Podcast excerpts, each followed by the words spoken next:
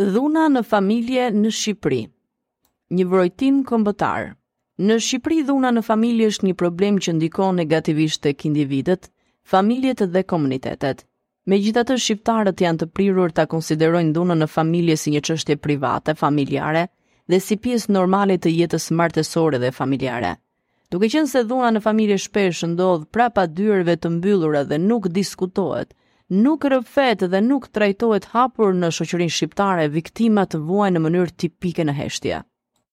Dhuna në familje doli si çështje shqetësuese në Shqipëri në vitet 90, kur vendi po pësonte një ndryshim domethënës politik dhe shoqëror.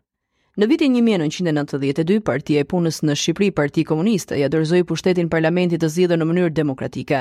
Ky ndryshim i rëndësishëm politik i hapi rrugën Shqipërisë për asistencë, ekspertizë dhe investime të huaja, meqenëse vendi filloi procesin e tranzicionit dhe të reformimit të strukturave të tij ekonomike, ligjore dhe politike.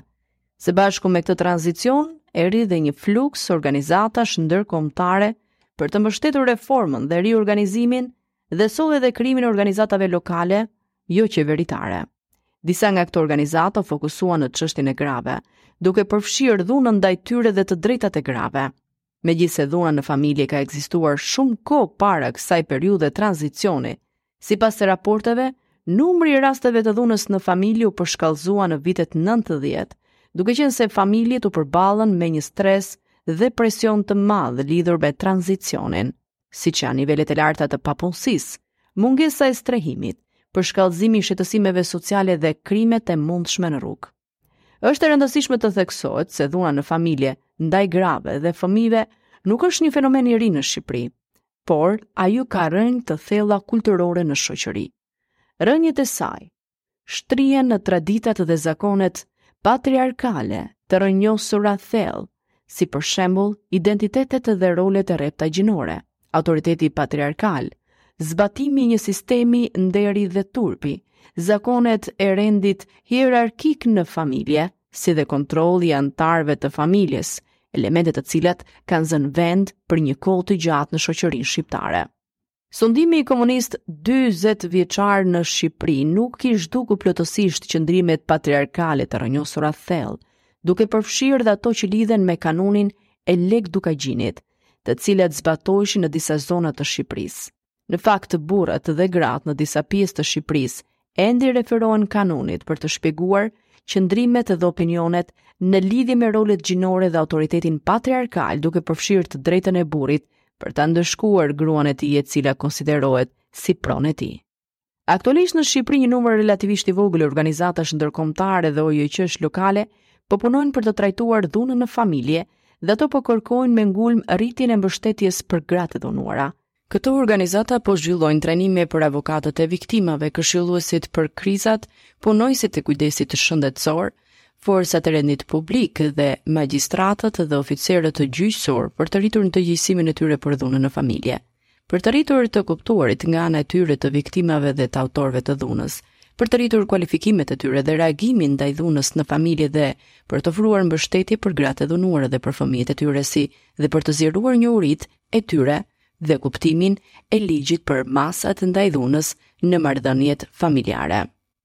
Sipas përkufizimit të ligjit, dhuna në familje është një formë e dhunës ndaj grave, të cilën deklarata e OKB-së për eliminimin e dhunës ndaj grave përkufizon si çdo akt dhune në bazë të gjinisë që ka si pasojë ose që mundet të çojë në lëndim ose vuajtje fizike, seksuale ose psikologjike të grave, duke përfshirë kanosjen dhe veprime të tilla, për shtrëngime ose për privim arbitrar të lirisë që ndodh qoftë në jetën publike, qoftë në atë private.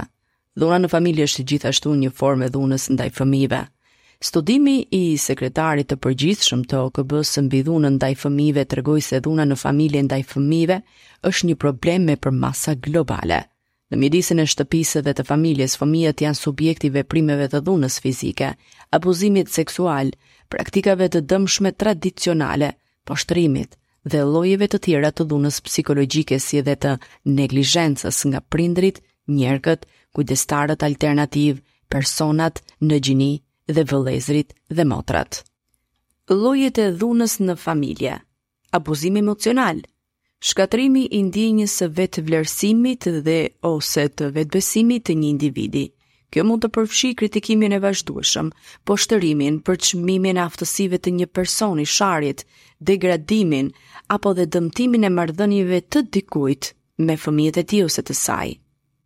Abuzimi psikologjik, përfshin shkaktimin e frikës nëpërmjet trembjes, kërcënimit për dëmtim fizik të vetes, partnerit, fëmijëve ose të familjes së partnerit apo të miqve, kërcënim për braktisje, vrasjen e kafshëve shtëpiake dhe shkatërrimin e pronës, kërcënimet për marrjen e kujdestarisë të fëmijëve, izolimin e dhunshëm nga familja, miqtë, shkolla, dhe ose puna dhe mohimin e mundësisë për para apo mbështetje ekonomike. Dhuna fizike përfshin, por nuk kufizohet me çjerrjen, shtyrjen, goditjen, kapjen, rrahjen, asfiksimin, pickimin, shpimin, shkuljen e flokëve, përdredhjen e krahut, goditjen me shuplakë, gjuajtje e të tjerë. Dhuna fizike mund të përfshijë dhe përdorimin e madhësisë dhe të forcës fizike të një personi, shtrëngimet ose armët, Dhuna fizike shpesh shkakton disa forma dëmtimi ose lëndimi dhe mund të shkaktojë dhe vdekje.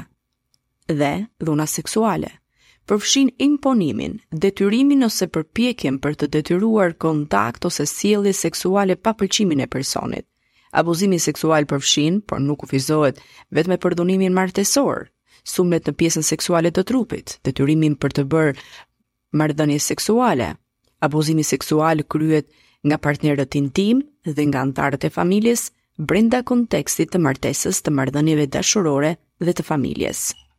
Kërkimet në mbarë botën kanë zbuluar se dhuna në familje është një nga format më të përhapura të dhunës që përjetohet nga gratë dhe fëmijët në shumicën e vendeve në të gjithë botën.